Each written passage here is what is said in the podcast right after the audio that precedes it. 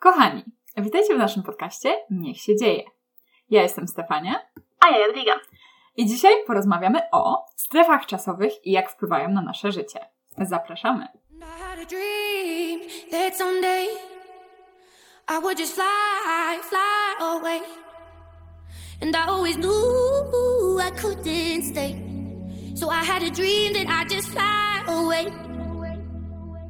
I've been on my own for a minute. No więc, wydaje mi się, że na lekcjach geografii mamy taki wstęp do stref czasowych. Uczymy się z kwestii takich bardziej teoretycznych i ja osobiście, szczerze Wam powiem, nie pamiętam z tych lekcji absolutnie nic.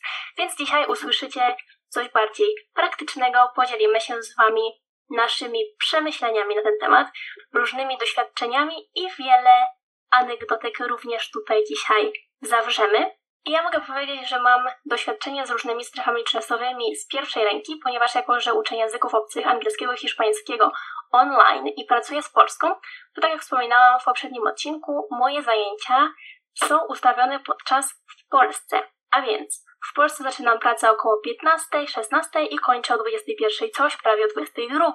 Więc na przykład taki czas w Polsce by mi nie odpowiadał absolutnie. I dlatego też stwierdziłam, że to byłby dobry pomysł, pracować w ten sposób, ale z Ameryki Południowej, ponieważ w ten sposób właśnie mamy do czynienia z tymi strefami czasowymi, z różnicą czasową i tutaj pracuję rano. I teraz, w zależności od kraju, moja rutyna i mój rozkład dnia się zmienia. Na przykład teraz w Kolumbii zaczynam około 8, 8.39 i kończę po 14 bądź 15, ponieważ w tej chwili między Polską a Kolumbią różnica czasowa wynosi 7 godzin. I tak samo mniej więcej było w Ekwadorze, w Meksyku było podobnie. Natomiast dwie najbardziej ekstremalne zmiany czasowe były w Kalifornii i w Brazylii. W Kalifornii, która znajduje się na zachodnim wybrzeżu Stanów Zjednoczonych, różnica z Polską wynosi aż 9 godzin. Więc tam pracę zaczynałam o 7 rano, więc wstawałam o 6, ale kończyłam ją po 13. Więc powiem Wam szczerze, że pod kątem pracy bardzo mi się podobała ta różnica czasowa, świetnie mi się tam pracowało, bo po prostu miałam cały dzień dla siebie. Jeżeli chodzi o relacje, to już z tym jest gorzej, ale do tego nawiążemy za chwilę. Natomiast w Brazylii miałam w drugą stronę przesunięcie, ponieważ Rio de Janeiro znajduje się na wschodniej części Brazylii i jest to taki najbardziej wysunięty na wschód punkt Brazylii dzięki czemu różnica z Polską wynosiła zaledwie 5 godzin, przez co moja praca zaczynała się około 11.30, 12 i kończyła się po 17. I pod kątem pracy, no nie za bardzo mi to już odpowiadało, bo to był taki trochę rozwalony dzień. Ni w te, ni we w te. Więc to jest generalnie taki mój praktyczny przypadek. I tyle. Jakby jeżeli chodzi o pracę, to myślę, że tyle. A jak to było w Twoim przypadku? No, u mnie powiem Ci też to działa na korzyść zazwyczaj. E, ale właśnie w drugą stronę, bo jak dostaję jakieś zlecenia z freelancingu, to są one głównie ze Stanów Zjednoczonych. Właściwie wszystkie były ze Stanów Zjednoczonych. Chociaż nie, jedno miałam ze Szwajcarii, ale to w takim razie była ta sama strefa czasowa, więc to w ogóle już odpada, jeśli tutaj e, chodzi o tą rozmowę. Jeśli chodzi o Stany Zjednoczone, to bardzo często wtedy takie zlecenie mi przychodziło w środku nocy albo nad ranem, typu o 6 na przykład, więc się budziłam i od razu miałam, wiesz, powiadomienie. I powiem szczerze, jeśli chodzi o mój tryb pracy, mnie to też bardzo odpowiada, ponieważ jak dostaję zlecenie, liczy się to w pełnych dobach, mam, mam deadline w pełnych dobach, więc powiedzmy, że mam, nie wiem, 4 dni deadline'u, to jeżeli je dostaję w środku nocy, to też deadline jest w środku nocy. A ponieważ ja nigdy nie odkładam też rzeczy na ostatni dzień, to zawsze mam ten jeden dzień zapasu, ponieważ jakby wiesz, mam cały dzień i jeszcze tak naprawdę kawałek nocy, żeby to zrobić. Więc czasami jak jest jakaś obsuwa, a tak jak e, mówiłyśmy w odcinku na przykład o rutynie, gdzie czasami naprawdę grunt spod nóg e, ucieka i masz wiele rzeczy, różnych nieprzewidzianych sytuacji, różne rzeczy się dzieją, ładowarki zostają w hotelach i tak dalej, i tak dalej. Czasami naprawdę e, ten jeden dzień dużo zmienia i mm, no akurat w tym przypadku bardzo mi odpowiada, że tak powiem, to przesunięcie czasowe, jeśli chodzi właśnie o tryb życia e, w Stanach i kiedy oni zazwyczaj kupują jakieś takie usługi. I do tego mój tryb pracy, żeby to wszystko sobie poukładać. Więc akurat właśnie jak mam ten deadline tak w środku nocy, a nie na przykład, wiesz, do północy albo w ogóle do powiedzmy 12 w południe, to jakoś tak o wiele lepiej mi to działa, bo tak czy inaczej ja z automatu nie liczę ostatniego dnia. Po prostu, bo taki jest mój sposób pracy, nie? Ale to jest też bardzo indywidualne. Tak, wiesz co, wydaje mi się, że to jest takie bardzo zdrowe myślenie i to jest, y, tak jak mówisz o tym twoim, powiedzmy, takim triku umysłowym, to jest takie trochę oszukiwanie mózgu, no nie? Że jakby nie masz tego ostatniego dnia, to jest trochę jak z punktualnością jak na przykład wiesz, że musisz dojść na którąś konkretną godzinę, to są na przykład niektóre osoby, które sobie zmieniają zegarek o kilka minut wcześniej, żeby wyjść, albo na przykład tak sobie właśnie ustalają czas, że na przykład, nie wiem, nie mają dojść na 15, tylko na przykład na 14.50 i dzięki temu mają powiedzmy te 10 minut zapasu, więc to jest takie coś podobnego trochę. I jeżeli w sumie mówimy właśnie o pracy digital nomads, o, o której często wspominamy, czyli tych cyfrowych nomadów, to właśnie jeżeli kogoś by to zainteresowało, bo odkąd ja zaczęłam pracować w ten sposób, to miałam różne takie właśnie rozmowy z ludźmi, którzy powiedzmy są zainspirowani tym, co robię ja, i właśnie mówią, że w sumie oni też by mogli coś takiego robić, ponieważ mają, dajmy na to, pracę online. Tylko właśnie wtedy sobie to trzeba bardzo dobrze przekalkulować. Bo jeżeli na przykład praca w Polsce zaczyna się o 8 rano i się kończy powiedzmy, nie wiem, o tej 16, 17, no to trzeba sobie dobrze wybrać taki kraj, żeby ta, żeby ta różnica czasowa nam odpowiadała. Dokładnie. Jeszcze tak chciałam nawiązać a propos tego ostatniego dnia, dlaczego w ogóle coś takiego robię. To znaczy, to jest taki właśnie dzień zapasu, do którego też dojdę, że jest bardzo potrzebny przy strefach czasowych, ale dzień zapasu na rzeczy niespodziewane, bo nie zakładam, że coś mi się uda ostatniego dnia, krótko mówiąc, bo może tak. Być, coś ci się stać ze sprzętem, coś się stać z internetem, czasami naprawdę kurcze połączenie nawala czy cokolwiek, nie mówiąc o tym, jak powiedzmy jest to jakaś aplikacja, że powiedzmy nie jest to praca, ale powiedzmy, nie wiem, jakiś właśnie projekt badawczy, który na przykład ostatnio wysyłałam, czy cokolwiek innego, gdzie ten ostatni dzień może też po prostu serwery mogą paść, krótko mówiąc, bo jeżeli wszyscy się na przykład nagle usiądą do komputera i zaczną coś robić, to może po prostu być krucho, więc właśnie tak z automatu nie liczę sobie tego ostatniego dnia, ale on jest później dobrym zapasem, bo oczywiście też nie bądźmy pesymistami, że nic się nie uda tego ostatniego dnia, ale właśnie to jest taki dobry margines obsuwy, nie? Więc to tyle, jeśli chodzi, to tyle, jeśli chodzi o zalety w tym odcinku. Nie no, ale to są takie bardzo pozytywne rzeczy strefy czasowych, stref czasowych, które myślę, że wiele osób w ogóle nawet nie brało pod uwagę, albo na przykład myśleli, że jest odwrotnie, że na przykład te strefy czasowe wpływają negatywnie na pracę, co czasami się zdarza. Właśnie tutaj jest dobra ta kalkulacja, nie? E, tak, dokładnie. Wiesz, na przykład dla mnie to jest ogromna zaleta, ponieważ ja jestem takim trochę rannym ptaszkiem i ja bardzo lubię pracować i robić różne rzeczy rano. Ja zdecydowanie nie potrafię pracować wieczorami, po prostu nie. Więc już teraz wiem, że teraz przelatuję w ogóle za chwilę do Polski na chwilę i wiem, że będę tam trochę cierpieć, bo właśnie będę pracować w tym moim normalnym, tym założonym z góry grafiku, no nie? Więc wiesz, od 16 do 22 codziennie, 5 dni w tygodniu. To jakby wiesz, to jest takie trochę jakby cały dzień czekasz na ten taki najważniejszy punkt dnia, no nie? Więc jakby to ci tak trochę zawala cały dzień. I tak samo jak właśnie o tym rozmawiałyśmy, jeżeli chodzi o mój przypadek, gdzie to są lekcje języka, to zawsze osoby biorą takie zajęcia po szkole albo po pracy. Więc w moim przypadku to jest trochę niemożliwe, żeby w Polsce na przykład ktoś wziął zajęcia rano. Jeśli już to byłyby tylko to takie, wiesz, pojedyncze przypadki, nie mogłabym sobie stworzyć pełnego grafiku rano. Totalnie, jakby w ogóle twoja branża czy działalność opiera się właśnie na tych zajęciach dodatkowych i w sumie tutaj jest kwestia tego, że ludzie normalnie mają pracę, szkołę i tak dalej. To w ogóle by było niemożliwe wtedy w Polsce pracować z takim grafikiem. No, a tak to tą samą pracę możesz mieć właśnie z innym zupełnie orario, z inną, z innym grafikiem, właśnie gdziekolwiek indziej. Więc e, to faktycznie jest fajna zaleta. Czasami się super to składa. Jeśli chodzi o wady, to teraz przechodzimy właśnie do tego dnia zapasu, który bardzo często się e, przydaje. Ja tutaj powiem o głównej rzeczy, o której wcześniej absolutnie nie myślałam i jest bardzo, bardzo ważna, szczególnie poza Europą, mianowicie banki.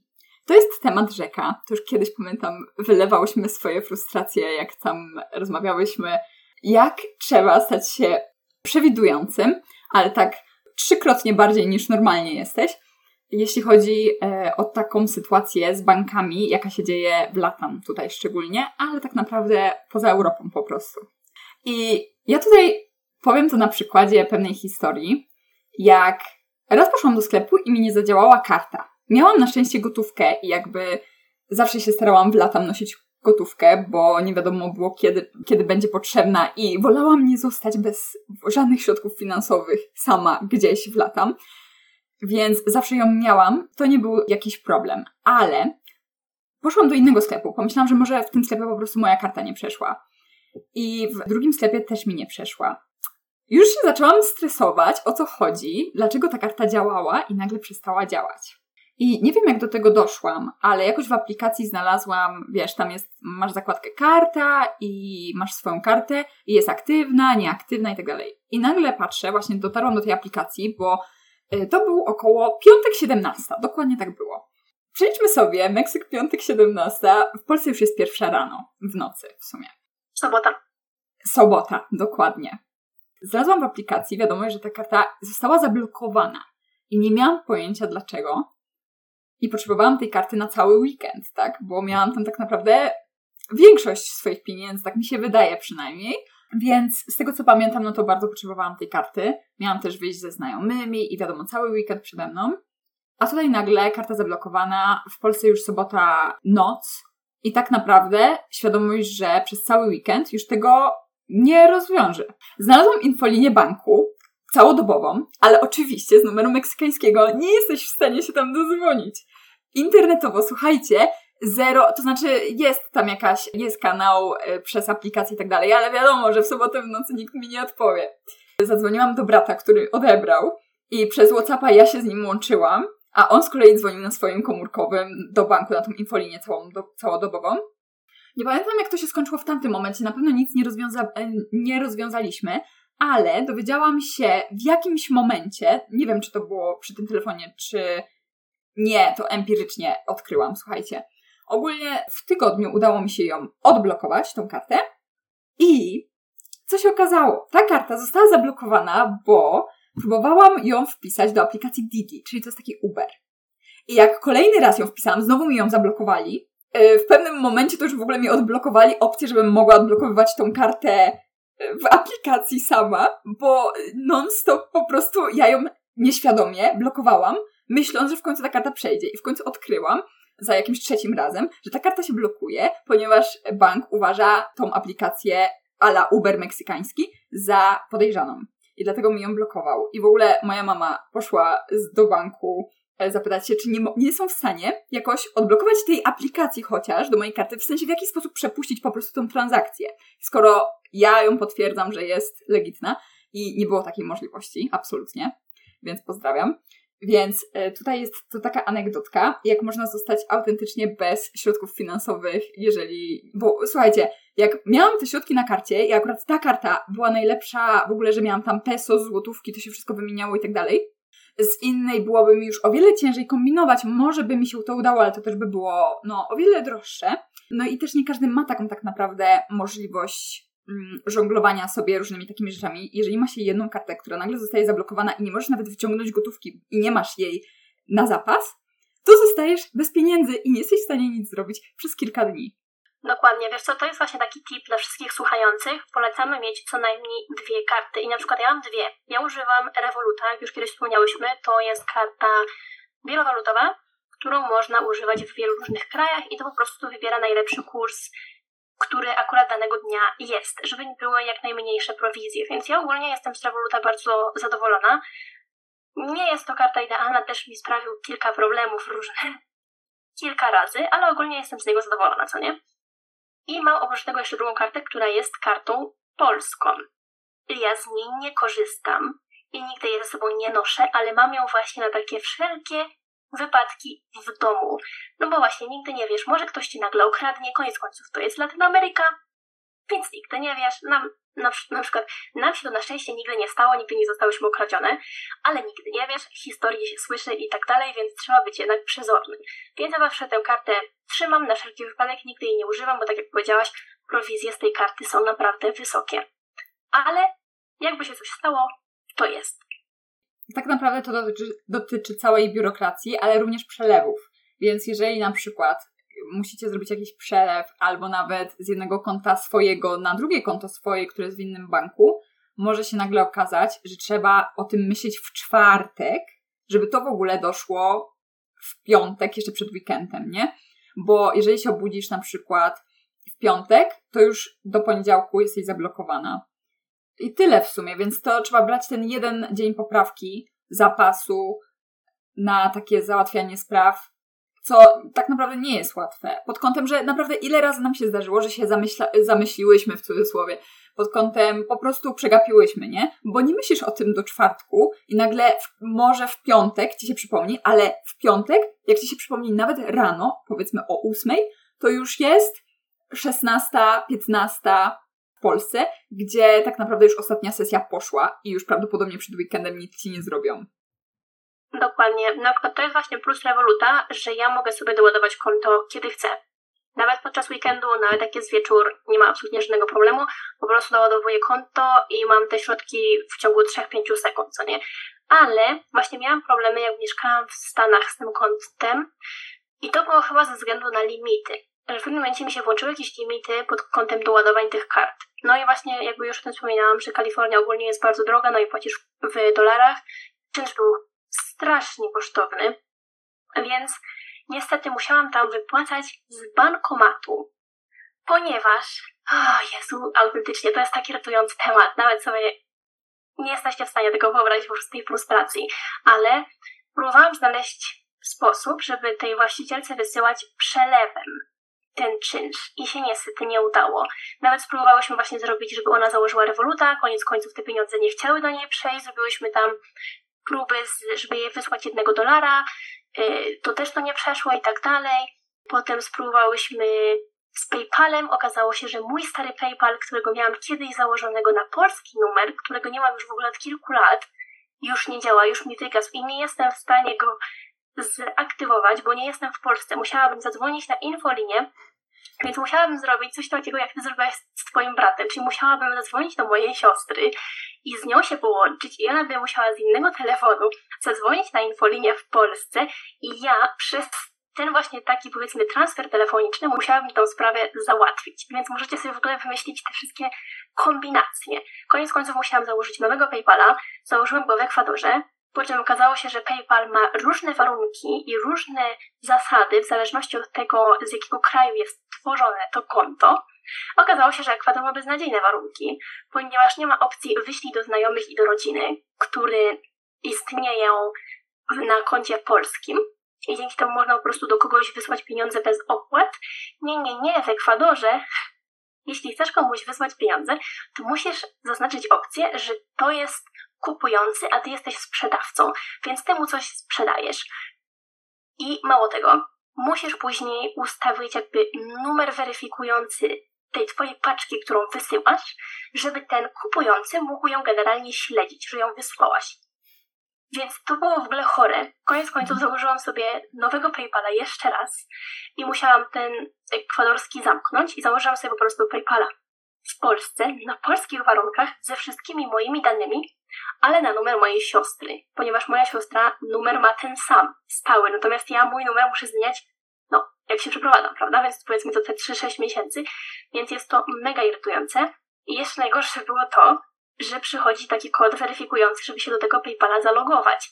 I ten kod oczywiście przychodził do niej na telefon, więc ona by musiała mi za każdym razem wysyłać kod weryfikujący. A skoro już mówimy o tych różnicach czasowych, to może na przykład ja chcę się zalogować do PayPala u mnie o 19, a w Polsce jest już powiedzmy druga, trzecia w nocy i ona śpi. No co mi wyśle?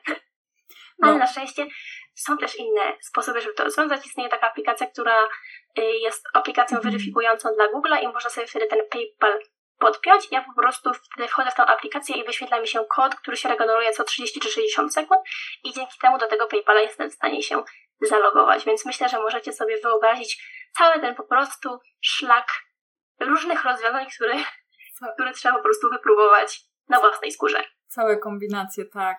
Ja już powiem Ci, zapomniałam o PayPalu, nawet nie wiedziałam, to znaczy pamiętałam, że miałaś problem z PayPalem, że Ci go zablokowali w pewnym momencie. Nie wiedziałam o tym ekwadorskim, że takie ma warunki e, słabe. No, czasami człowiek się styka z takimi absurdami i po prostu sobie myślisz, jakim cudem w ogóle takie są warunki. To na przykład też a propos transferów, pieniędzy i tak dalej, oprócz tego, że ten transfer nie poszedł, bo jak próbowałam zrobić jakiś przelew e, w Meksyku, to mi nie podali, nie podała Anna Gabi tego kodu SWIFT, więc nie poszło bez tego a, kodu. Właścicielka. Właścicielka, tak, właścicielka domu drugiego.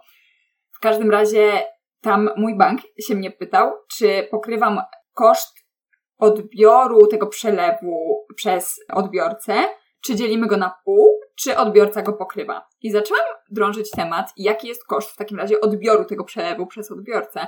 No bo oczywiście jak ja jej wysyłam pieniądze za czynsz, to też chciałam pokryć w sumie ten, y, ten koszt, który, który ją obowiązuje. No myślałam, że to będzie dosłownie, wiecie, kilka, kilkanaście złotych. Okazuje się, że to jest 30 dolarów w Meksyku. Jeżeli w banku, to chyba było BBVA, o tak, to na pewno był ten bank, bo pamiętam, że później miałam taki moment, że byłam, po prostu myślałam, jakim cudem w ogóle on ma takie warunki. Jeżeli odbierają przelew zagraniczny, to 30 dolarów muszą zapłacić za to, więc pozdrawiam, ponieważ też raz chciałam komuś przelać, przelać 100 pesos, czyli dosłownie 20 złotych i ta osoba też miała konto w BBVA, więc totalnie to się nie opłacało, bo by musiał zapłacić, czy ja bym musiała zapłacić 30 dolarów, żeby to 20 zł w ogóle poszło, nie? Więc są czasami takie rzeczy i warto właśnie, jak coś Was zaintryguje, to od razu drążyć temat. Ok, jaki jest tego koszt? Bo właśnie przy przylewach międzynarodowych Wy możecie mieć super w ogóle konto, kartę, która Wam to ułatwia i teoretycznie nie macie żadnych kosztów, ale później na przykład kogoś możecie narazić na koszty, nie mówiąc, że, że wypadałoby pokryć taki koszt, to jeszcze no, ta osoba po prostu może być jakoś e, bardzo później zdenerwowana. No, dokładnie. Jeszcze to zależy właśnie w jakim też banku jest właśnie ten odbiorca. Ja na przykład ostatnio zrobiłam dla mojego znajomego przelew z Revoluta, ponieważ musiał zapłacić na jakieś tam konto amerykańskie. I ja chyba tam nie miałam absolutnie żadnej opłaty, albo tam może nie było 2 czy 3 zł, żeby wysłać ten przelew z Revoluta na to konto. Więc zrobiłam mu właśnie, e, wiesz, tę przysługę, że zrobiłam dla niego ten przelew, a on z kolei e, płaci mi na przykład tutaj w Kolumbii, no nie? Czyli na przykład on płaci za mnie za coś na przykład, nie wiem, gotówką, albo takim tutejszym blikiem, którego ja nie mogę niestety mieć. Jest to trochę irytujące. Na przykład w Kolumbii teraz funkcjonuje takie coś, płacenie kodem QR. Uważam, że to jest fantastycznie, fantastyczne, niesamowicie postępowe. To jest takie trochę jak nasz w sumie blik, tylko że właśnie różne instytucje, knajpy i tak dalej, mają w większości, naprawdę prawie wszystkie, właśnie taki kod QR wystawiony i jak płacisz, to nie musisz płacić kartą, tylko możesz właśnie zaskanować sobie aplikacją swoją bankową ten kod QR i płacisz i potem im pokazujesz. I niektórzy robią temu zdjęcie jako potwierdzenie, że zapłaciłaś, a inni tylko po prostu patrzą i mówią ok, spoko. A ja tutaj też to widziałam. Nie wiem, czy to było w Polsce, czy w Hiszpanii, czy w ogóle ogólnie w Europie, ale na pewno to widziałam tutaj. A, no to super, wiesz, mnie nie powoli, lata w Polsce, więc... No, po, powoli się wdraża, ale nie jest to jeszcze jakoś bardzo, wiesz, e, rozpowszechnione. A na przykład mam ten sam problem w Hiszpanii, że mimo, że kurczę, akurat strefy czasowe tutaj są te same, ale właśnie ten blik i wszyscy są jak, no nie masz, jak to się nazywa, teraz nie pamiętam, ale właśnie tego blika hiszpańskiego i próbowałam go założyć, ale właśnie mój bank tego nie, no nie akceptuje. Jakby blik to blik, a to ich to jest to ich i właśnie działa tak samo jak blik. No, więc Dokładnie. są takie różne rzeczy. Tutaj weszliśmy, weszliśmy już w banki. W każdym razie to się tyczy tak naprawdę całej biurokracji, szczególnie właśnie jak ja studiowałam w innej strefie czasowej i wysyłałam różne rzeczy, wiadomo, jakieś maile i tak dalej, to też zwracałam uwagę bardzo, bo na uniwersytecie niektórzy bardzo zwracają uwagę, o której godzinie przychodzi jakiś mail czy coś więc wtedy liczyłam sobie, o której to będzie i na przykład nastawiałam już, jeżeli by miało przyjść w środku nocy, to już nastawiałam, żeby, wiecie, jest taka automatyczna, możliwość automatycznego wysłania, żeby już poszło to w środku mojej nocy, a tam na przykład nad ranem i ja już się budziłam z na przykład z odpowiedzią, więc to też jest spoko. Więc to jest tak naprawdę ciągłe liczenie, mogłybyśmy powiedzieć. Ja mam to bardzo obcykane jeśli chodzi o te, o te godziny i na przykład z Meksykiem było 7 godzin ciągle, tylko przez tydzień było 8 godzin, pamiętasz? To zaraz dojdziemy. Jak się zmienił czas zimowy na letni, czy tam letni na zimowy. I w Meksyku też się zmieniało tylko tydzień później. A teraz Meksyk już został tylko w czasie zimowym, co oznacza, że w ciągu lata mamy 8 godzin różnicy i w ciągu zimy mamy 7 godzin różnicy. Jeżeli teraz się nie kopsnęłam z tymi czasami. Ale no ogólnie tak jest, że teraz na pewno jest 8 godzin różnicy, a w zimę będzie 7 godzin różnicy. I powiem Wam, czuć różnicę między tymi 7 godzin a 8 godzin. Jeszcze 7 godzin dało się jakoś, było łatwiej po prostu utrzymywać ten kontakt. Kurczę, jest to w jakiś sposób takie przyjaźniejsze, user-friendly, nie? Przyjaźniejsze użytkownikowi. A te 8 godzin to zaczyna być hardcore, bo czasami, nie wiem, jak ja idę spać o 21-22, a zdarza mi się tak, to to jest około 14-15 tam. Więc wiecie, to jeszcze ludzie z pracy nie powychodzą na przykład, albo z zajęć. Więc to jest dosłownie, że idą, budzą się rano, idą gdzieś do pracy i oni jeszcze nie wyjdą, a ja już kończę swój dzień. I tak samo mam czasami takie właśnie wrażenie, jak wstaję sobie sama o 6 i sobie myślę, że w Meksyku jest 22 na przykład jeszcze, więc u mnie jest, nie wiem, 6, 7, już powiedzmy 7, 8, to już wszyscy po prostu w drodze do pracy i właściwie życie naprawdę się toczy, szczególnie w lato, jak jest tak jasno od kurcze czwartej, to naprawdę masz wrażenie, że już jest środek dnia i tyle rzeczy się dzieje, a wiesz, że tamte osoby jeszcze są w tamtym poprzednim dniu i jeszcze nie poszły spać w ogóle. Więc to jest takie niesamowite z jednej strony, a z drugiej osoby, które znasz i są właśnie twoimi jakimiś dobrymi znajomymi, czy po prostu bliskimi osobami, zaczynasz czuć tą różnicę po prostu, ten przełom. Tak, dokładnie. Wiesz co, ja na przykład jeszcze powiem w drugą stronę, jak, jak to jest niesamowicie ciekawe, jak na przykład ja kończę moje zajęcia i tutaj, tak jak już wspomniałam, Kolumbią jest 7 godzin w tej chwili, bo to też właśnie, tak jak powiedziałeś, wszystko zależy od tego, kiedy Polska zmienia czas, bo Kolumbią to jest 7 godzin albo 6, w zależności od tego, czy to jest czas letni czy zimowy. Ja zawsze po prostu sprawdzam to w internecie, kiedy Polska zmienia zegarki i tak dalej, żeby wiedzieć, ponieważ jak za chwilę powiem anegdotki, no to mamy różne historyjki właśnie z przesunięciami czasowymi, o których na przykład nie wiedziałyśmy. I to jest niesamowicie ciekawe uczucie, jak na przykład ja kończę pracę i jest tutaj powiedzmy 14 i żegnam się z moimi studentami i to jest takie czego wam życzyć? I ja myślę sobie, okej, okay, no to miłego wieczoru, a oni mi życzą, okej, okay, to miłego popołudnia i miłego dnia ogólnie, bo jeszcze w sumie masz cały dzień, a my idziemy za chwilę spać. Więc to jest takie niesamowicie ciekawe, jak sobie o tym, wiesz, pomyślisz i takie niecodzienne, co nie? Tak, że osoby, z którymi wchodzisz w jakąś interakcję dosyć yy, systematyczną, nie? To po prostu mają zupełnie inny tryb życia i ty jeszcze masz tyle rzeczy do zrobienia, a właśnie ktoś będzie spał. Dokładnie. Yy, powiem Ci, że wręcz doszło do tego, że na przykład moi uczniowie ustawiają, so mam taką właśnie inną rodzinę, których pozdrawiam, jeżeli mnie słuchają, ale że mama sobie ustawiła zegarek dodatkowy na swoim telefonie, w zależności od tego, gdzie ja jestem, żeby wiedziała, o której godzinie do mnie musi napisać, żebym ja jej jeszcze odpowiedziała mniej więcej w tym samym czasie. I tak samo właśnie jedną z takich anegdotek jest, jak ja mam taki właśnie system w szkole językowej, w której pracuję. I jak ja wysyłam właśnie wiadomość do moich uczniów, to ja sobie czasami tak myślę, bo na przykład właśnie ten nasz system Langlion jest ustawiony na czas polski więc mi się wyświetla godzina, o której ja do nich piszę. I czasami wysyła mi wiadomość o trzeciej rano, a czasami o piątej rano. Więc nawet sobie nie chcę myśleć, co na przykład tacy rodzice y, o mnie sobie myślą. bo wiesz, jakby dzieciaki, które uczą, to oni, jakby one wiedzą. No nie, bo ja im zawsze mówię, że słuchajcie, mieszkam na przykład w Brazylii, bo uważam, że to jest też takie ciekawe, żeby pokazywać po prostu dzieciakom, no nie, jakby, że istnieje też taka, taka opcja, no nie, że na przykład, nie wiem, łączymy się przez Zooma mamy zajęcia angielskiego czy hiszpańskiego, a moja nauczycielka jest w tej chwili w Brazylii na, drugiej, na drugim końcu świata, nie? Więc to jest takie ciekawe, ale na przykład wiem, że nie wszyscy rodzice będą o tym wiedzieć, a rodzice sprawdzają właśnie takie wiadomości, które przychodzą do, do jakby ich dzieci. Nawet sobie nie wyobrażam, co oni sobie myślą, jak widzą wiadomość, powiedzmy, nie wiem, raport postępów od lektorki i godzina wiadomości, godzina dostarczenia wiadomości, piąta rano no wiesz, jakby różni są ludzie na świecie, różne rzeczy można też pomyśleć o tym.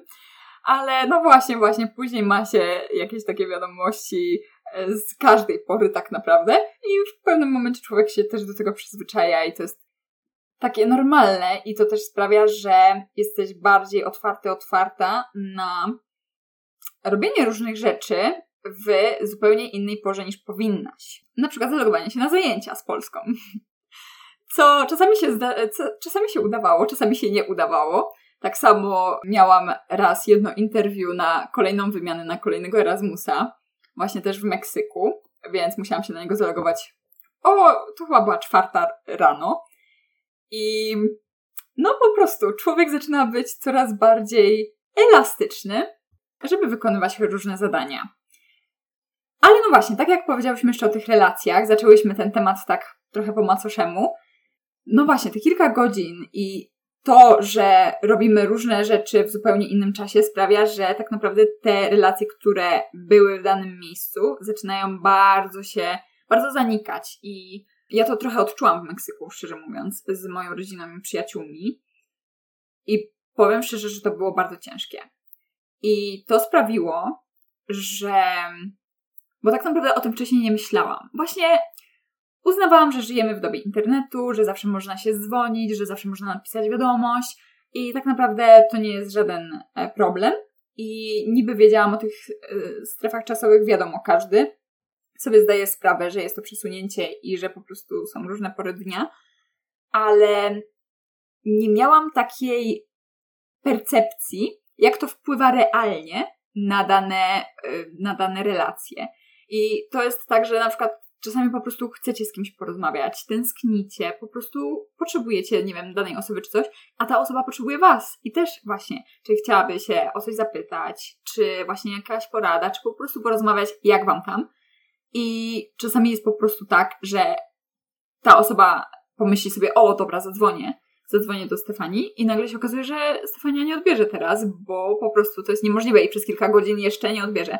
I na przykład tak, kilka razy, jak miałam taki epizod, no tak ze dwa miesiące chodziłam na tą siłkę, około piątej rano z, z Ari, więc jak chodziłyśmy, budziłyśmy się o tej piątej, to moja mama się bardzo dziwiła, jak coś tam jej odpisałam już o tej piątej, że ja w ogóle jestem na nogach i że to, że na przykład u niej jest dwunasta, słuchajcie, i że ja około dwunastej coś w ogóle odpisałam.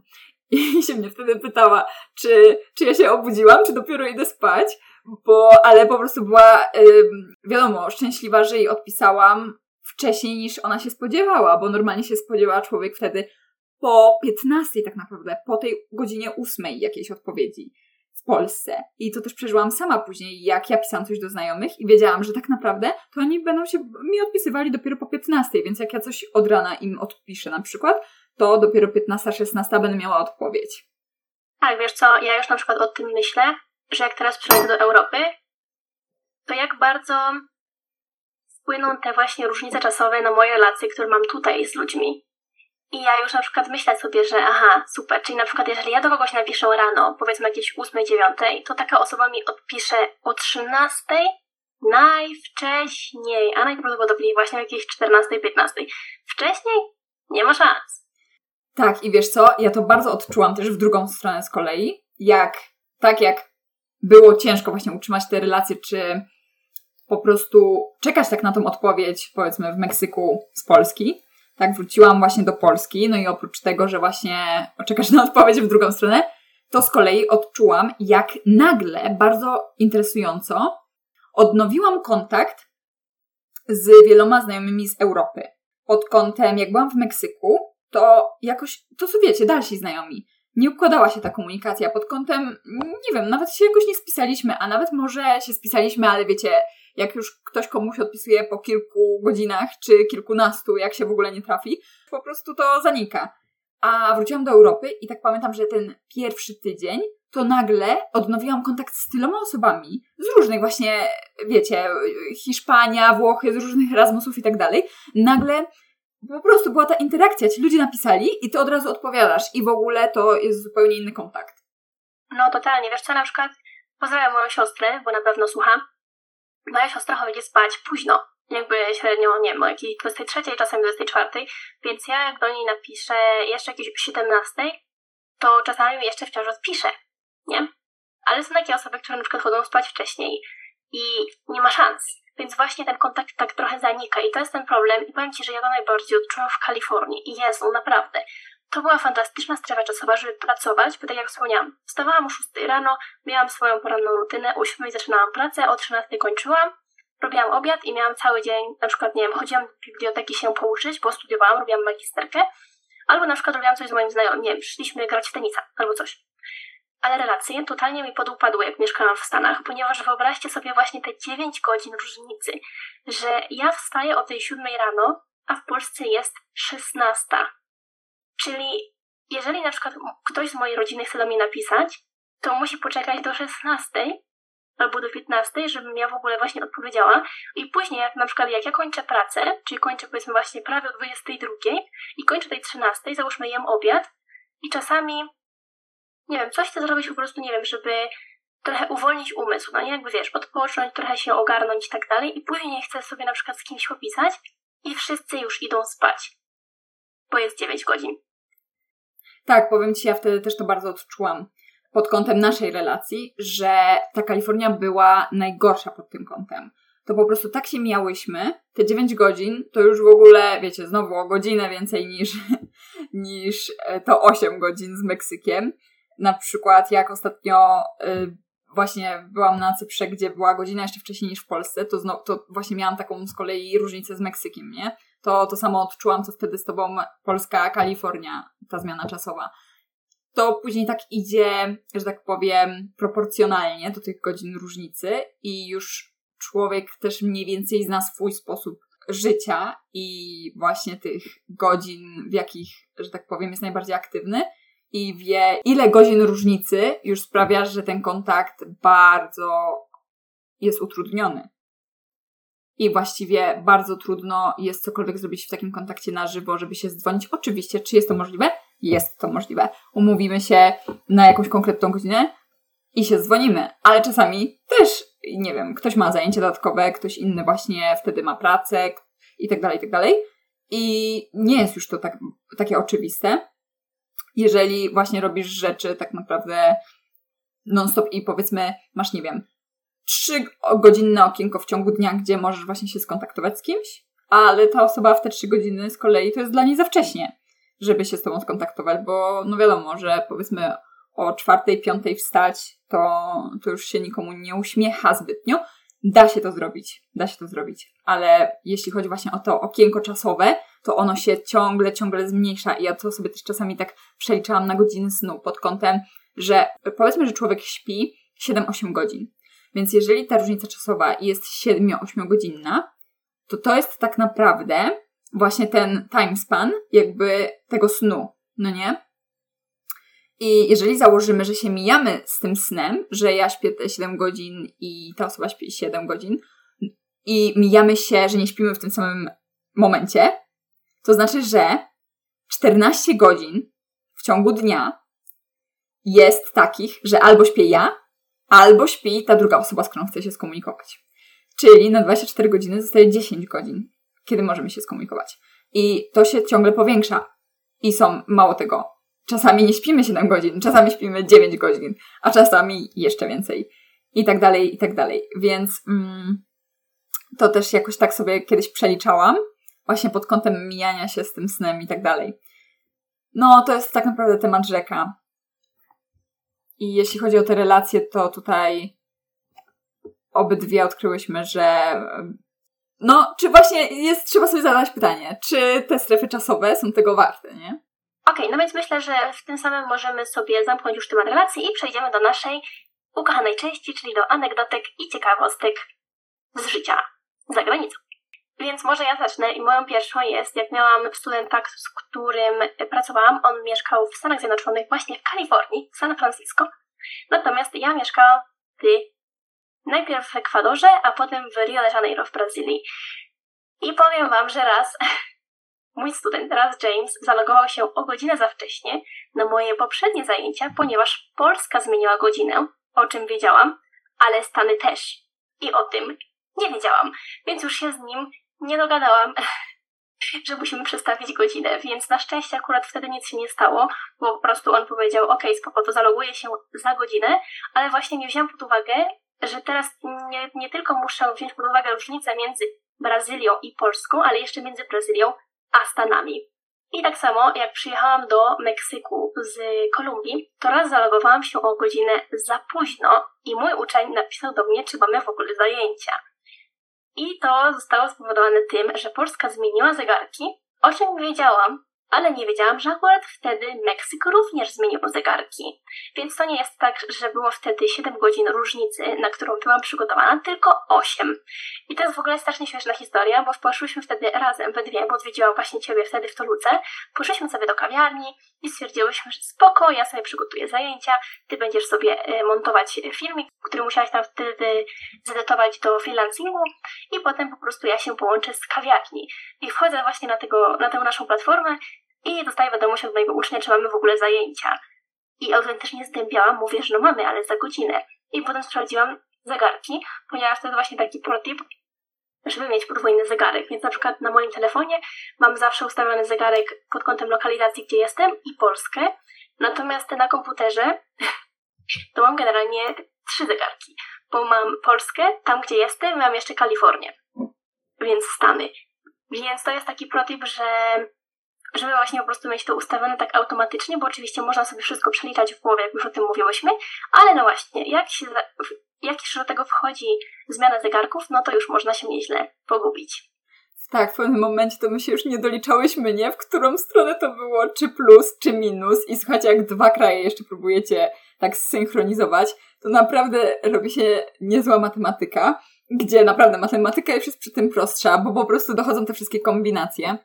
Ja nie miałam takiej sytuacji, żeby się e, zalogować gdzieś za późno, ale raz na przykład się w ogóle nie zalogowałam, bo po prostu zaspałam. To było właśnie w Brazylii, gdzie miałam zajęcia od czwartej do ósmej. I ja jestem taka, że ja bym wstała na to. Miała, akurat tutaj pomyliły mi się dni, w ogóle o tym zapomniałam. Nie miałam nawet budzika, to prawda, więc totalnie zaspałam. I obudziłam się dosłownie pod koniec tych zajęć, około ósmej. I patrzę i tak nagle się... I wiecie, co było najlepsze? Że jeszcze mi się śniło. Wtedy mi się śniło, że się właśnie nie zalogowałam na te zajęcia. Więc, e, więc to mnie jakoś znalazło w podświadomości. Ale częściej się logowałam niż się nie logowałam i tak było właśnie w Meksyku, gdzie właśnie też bardzo często musiałam się logować około tej trzeciej, czwartej. I raz miałam pierwsze seminarium, właśnie tak w środku nocy to zalogowałam się i wszyscy musieliśmy się przedstawić, powiedzieć, co studia, stu, studiowaliśmy wcześniej na licencjacie itd., tak itd. Tak no i jak doszło do mnie, jakby nie, nieźle mi poszło, nie powiem, że ten, oczywiście w łóżku po prostu ledwo przytomna, coś tam mówiłam, ale pamiętam, że później próbowałam wytłumaczyć mojej prowadzącej, że jestem aktualnie na wymianie i tutaj już był taki clash, ponieważ no, to nie jest to normalne, że tak powiem, nie jest to sztampowe, żeby być na wymianie już w pierwszego roku na magisterce, więc się nie rozumiałyśmy, a ja właśnie w, tym, w środku nocy nie byłam w stanie jakoś inaczej, że tak powiem, sformułować moich myśli i po prostu e, już była bariera komunikacyjna. Pamiętam, że wtedy byłam bardzo zmęczona.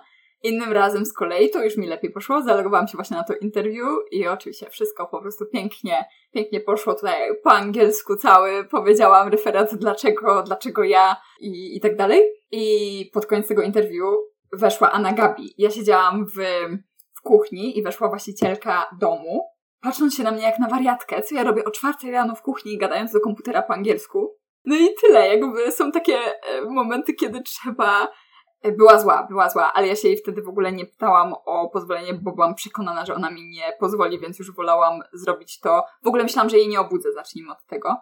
I nie mogłam tego zrobić ze swojego pokoju, ponieważ były dziury w ścianie i tak dalej, by było słychać, więc poszłam do kuchni, żeby właśnie było mniej słychać. Tak, jeżeli ktoś nie zna tej historii, to zapraszamy do odsłuchania drugiego odcinka, jak wylądowałeś w środku nocy na ulicy w Meksyku, ponieważ jest to jeden z naszych najlepszych odcinków i chyba najczęściej słuchany. Tak, więc tam były właśnie różne przechery. No i to była taka sytuacja. Tak, tak samo na przykład jeżeli chodzi właśnie o studiowanie z różnym krajem. Pamiętam jak byliśmy na wymianie w Hiszpanii w 2020 roku i raz poszliśmy do klubu i pamiętam takiego Kolumbijczyka, który właśnie studiował z Kolumbią, a więc były tam jakieś właśnie te 7 godzin różnicy albo 6 i pamiętam, że on biedny siedział z telefonem i ze słuchawkami w tym klubie dookoła po prostu słuchać reggaeton, a on ze słuchawkami w uszach słuchał wykładu, ponieważ akurat wtedy o tej trzeciej rano miał wykład w Kolumbii, nie? Tak. Możecie sobie wyobrazić. To był w ogóle wykład prawa i on nie mógł tego jakoś przepuścić, nie mógł tego ominąć i właśnie miał jedną słuchawkę w uchu, drugą, drugim uchem słuchał tej muzyki i, i jakoś szło. No, studenci mają różne sposoby, żeby sobie poradzić.